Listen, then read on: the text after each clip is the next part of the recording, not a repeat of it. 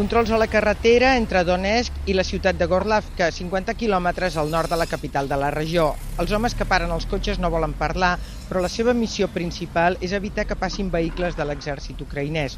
No porten uniformes, alguns van vestits de negre, altres amb texans i jaquetes negres, tots amb armilles antibales i tots amb la bandera de Sant Jordi, que identifica els milicians prorussos.